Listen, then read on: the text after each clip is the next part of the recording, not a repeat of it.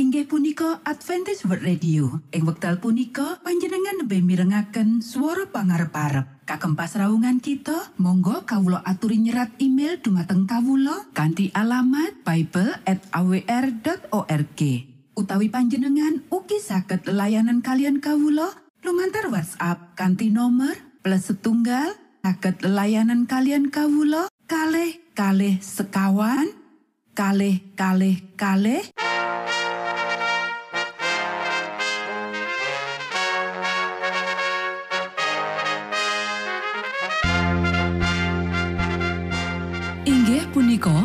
Adventist World Radio ingkang giaran kanti basa Jawi.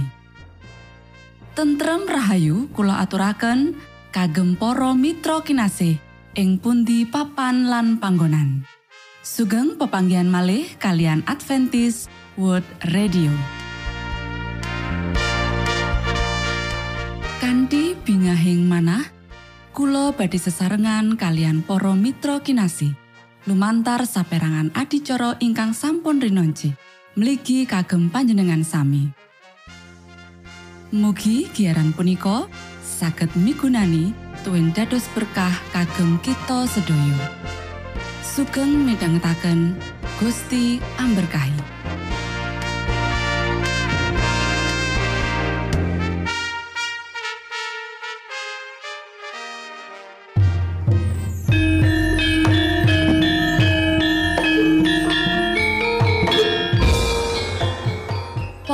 Para pamirsa kinasih ing Gusti Yesus Kristus. Ing wekdal punika, kita badhe sesarengan ing adicara ruang kesehatan. Ingkang saestu migunani kagem panjenengan saha kita sami. Tips utawi pitedah ingkang dipun aturaken ing program punika tetales dawuhipun Gusti ingkang dipunnyatakaken ing kitab suci. Semanten ugi sakehing seratan ingkang dipun wangsitaken dening Gusti Allah. Nanging saderengipun, monggo kita sami midhangetaken kidung pujian.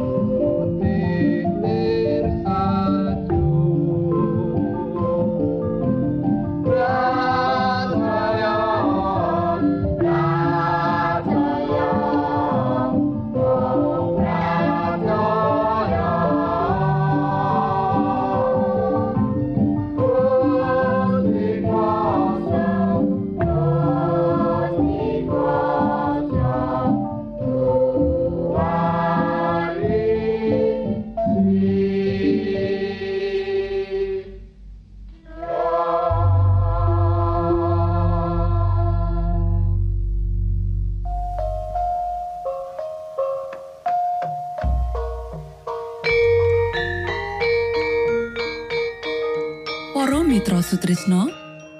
Puji syukur dumateng Gusti ingkang murbeng dumati ingkang sampun kepareng paring wewenngan kagem kita.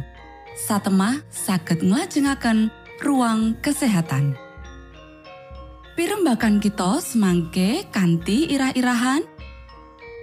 Alasan nyisihake panganan daging.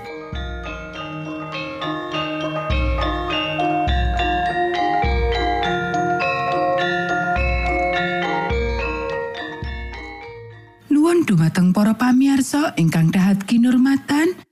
Sugeng pepanggihan malih kalian kula Isti Kurnaidi ing adicara ruang kesehatan. Ing dinten punika kanthi irah-irahan alasan nyisihake panganan daging. Para sedherek ingkang kinasih, asring kewan digawa nyang pasar kanggo didol dadi panganan. Kamangka kewan-kewan iku nduweni lelara nganti sing duwe wedi ngopeni luwih suwe. Lan seperangan saka proses nglemokake kanggo dipasarake iki ngakibatake lelara. Kekurung saka sinar sengenge lan hawa resik, nyedot hawa ing kandang sing reget, mula kabeh awake dadi kecemar dening bahan-bahan sing najis.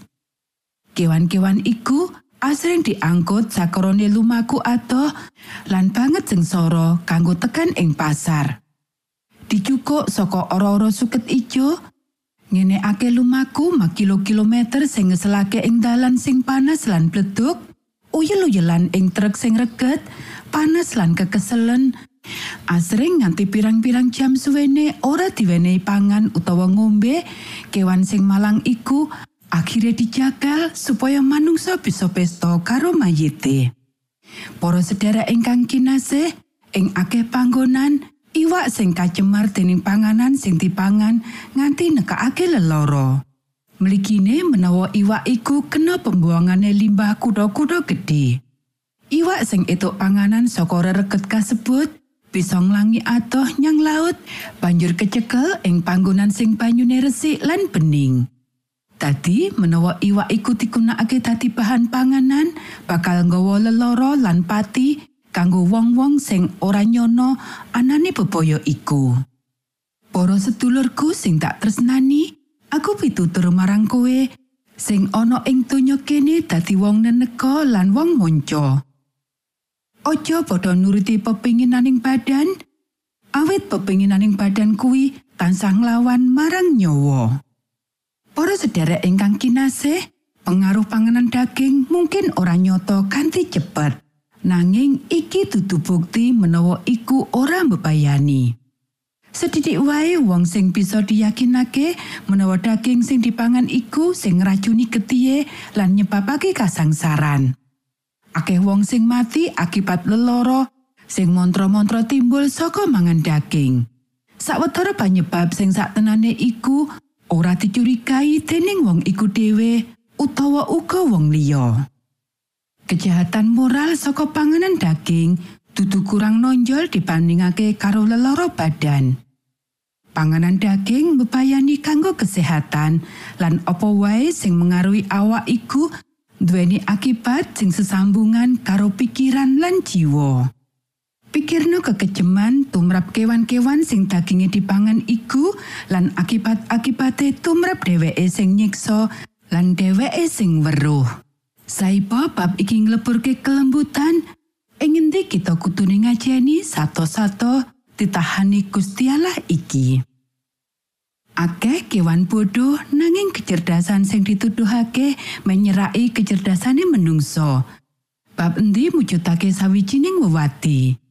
Kewan-kewan iku nonton lan ngrungokake lan ngasihi sarta wedi lan sengsara. Dheweke luwih setya nggunakake organ awake ketimbang manungsa nggunakake awake. Kewan nyatakake rasa simpati lan kelembutan marang pasangane ing wektu sengsara. Akeh kewan sing nuduhake asih sayang marang manungsa sing ngurus dheweke ngungkuli asih sayang sing dituduhake dening saperangan titah menungsa. Kewan-kewan iku ngraket sambungan karo menungsa sing ora bakal pedot tanpa nimbulke kasengsaran gedhe ing pihak kewan iku.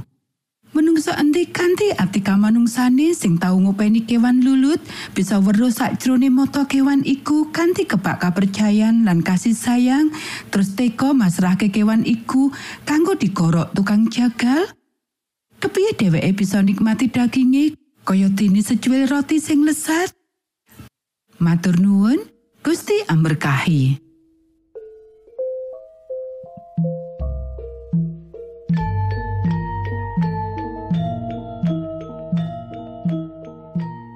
Cekap semanten pimbakan ruang kesehatan ing episode dinten punika. Ugi sampun kuatos jalaran kita badhe pinanggih malih ing episode sak lajengipun.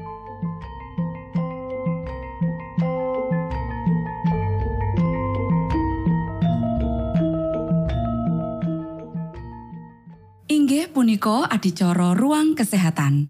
Menawi panjenengan gadah pitakenan utawi ngersakaken katrangan ingkang langkung, monggo kulo aturi. Kinton email dateng alamat ejcawr at gmail.com utawi lumantar WhatsApp kanti nomor 025 pitu 00 songo songo papat 00 pitu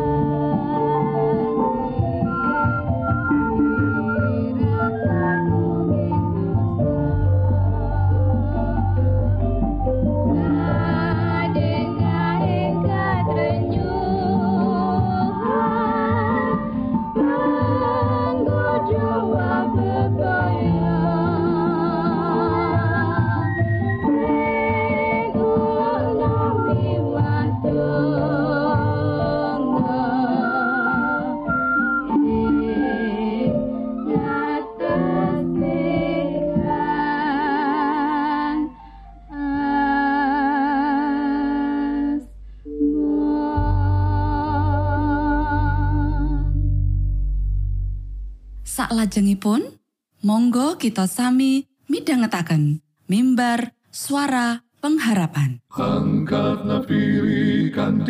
pawarto Sang Kristus paderamu Pro umat samyo puji asmanyo Sang Kristus paderamu Inggih punika mimbar suara pengharapan. Ing episode punika kanthi irah-irahan Misine Sang Yehuwa Allah kanggo kita. sugeng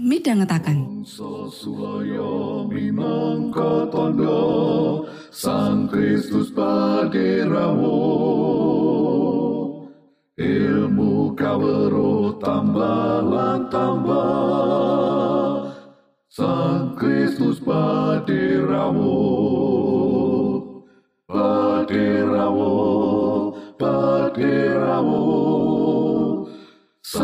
Kristus paderamu Shalom para pamiarsa ingkang kinasih wonten ing Gusti.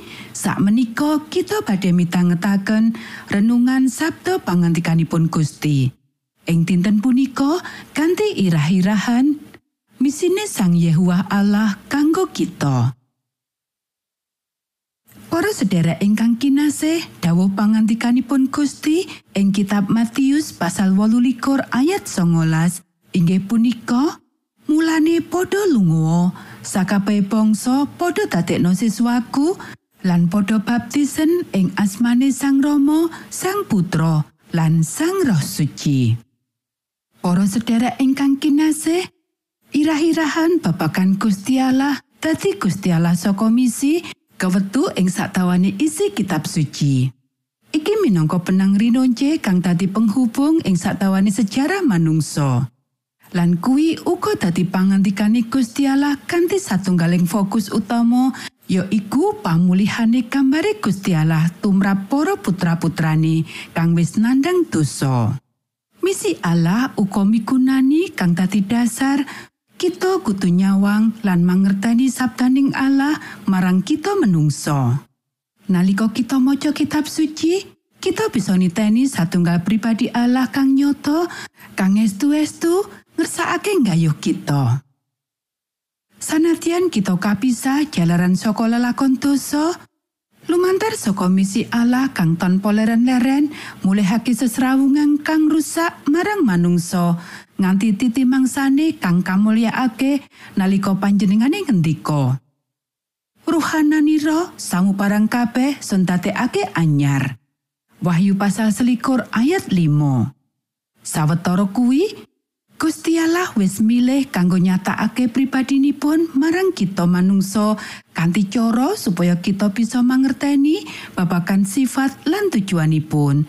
Lan ing sandure iku kabeh, kita bisa nduweni satunggal sesrawungan kang nyoto lan luwih awet marang Gusti Allah. Ing tembung liya, kita ora mung bisa mangerteni panjenengane, nanging uga nuduhake pengalaman kita karo panjenengane. Lan katresnanipun sing nyelametake marang wong liya. Para sedherek ingkang kinasih, ing bisine Allah ing kitab suci, Gusti Yesus kaparingan papan pinunjul lan kautaman minangka garda karahayon. Sang Kristus piyambak ngendika, Aku iki dalane sarta jatine kayekten lan kauripan. Ora ana wong siji-sijia kang bisa sowan marang Sang Rama menawa ora metu ing aku.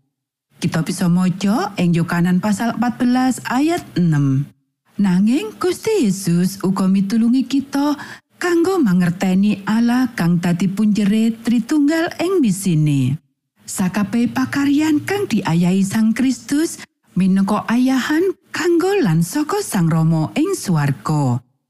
Nanging kita kudu ngelingi menawa misine Gusti Yesus kuwi ora mung kawiwit saka ing karawuhane ing jagat iki. Panjenengane wis tinampa ayan kuwi sadurunge jagat iki katitahake. Kita bisa maca ing kitab Efesus pasal siji ayat papat lan siji Petrus pasal siji ayat rong puluh. Mula kuwi Gusti Allah wis ngrancang jangkungi marang manungsa nganti sadurunge panjenengane netepke pondasi jagat proyo iki lan nyoto kersane ngraso ing sejarah menungso supaya bisa kalaksanan karsanipun. Samu barang kabeh dumatine dening Sang Sabto. Yokanan pasal siji ayat telu. Nanging bareng wis tekan ing kenepe mangsa, Galati pasal papat ayat papat. Awitene Gusti Allah anggone ngasi ing jagat iki nganti masrahke Kang Putra, Yokanan pasal telu ayat 16 lan pitulas. Sang putra wis rawuh, seto sinalip, ngawonake dosa, banjur Sang Roh Kudus tedhak ing donya, diutus dening Sang Rama. Yokanan pasal 14 ayat 16 lan Yokanan pasal 16 ayat pitu. Kawe yakinake marang jagat, Yokanan pasal 16 ayat 8 nganti 11. Lan saiki nglajengake misi saka Sang Rama kanthi cara paring kuwaos lan ngutus umat Allah ing pakaryan misi iki. Para sedherek ingkang kinasih, kita wis sinau menawa misi kuwi dudu mung katuwean kita. Misi kuwi kagungane Gusti Allah. Kanthi ngono, misi kuwi ora bakal gagal. Monggo kita sami ndedonga. Duh Rama kawula ingkang wonten ing swarga, asma patuko mugi kasucikaken. Kraton patuko mugi rawuh. Karso patuko mugi kalampahan wonten ing bumi kados dene wonten ing swarga. Kawula mugi kaparingan rejeki kawula sak cekapipun ing dinten punika. Soho patuko mugi ngapunten kalepatan kawula kados dene kawula inggih ngapunteni tetiang ingkang kalepatan dhateng kawula. Punapa dene kawula mugi sampun ngantos katantukaken dhateng ing panggoda nanging mugi sami patuko uwalaken saking piawon. Awit dene patuko ingkang kagungan kraton saha wisesa tuwin kamulyan salami laminipun. Amin.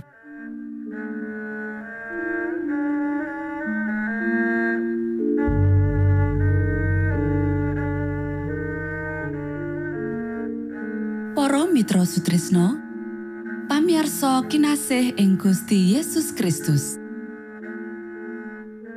sampun paripurno pasamuan kita ing dinten punika. Menawi panjenengan gadah pitakenan utawi ngersaakan seri pelajaran Alkitab suara nubuatan Monggo Kulo aturi kinton email dateng alamat ejcawr at gmail.com utawi lumantar WhatsApp kanti nomor 025 pitu 00 songo songo papat 00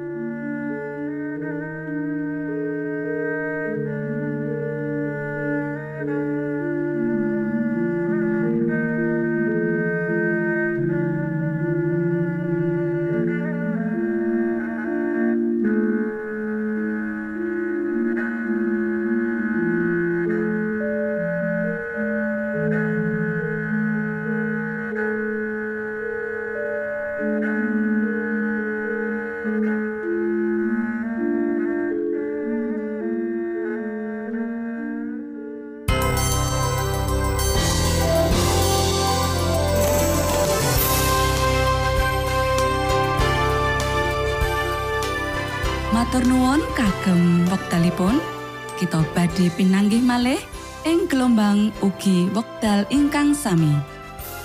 Saking studio kula ngaturaken tentrem rahayu. Gusti amberkahi kita sedoyo Maranata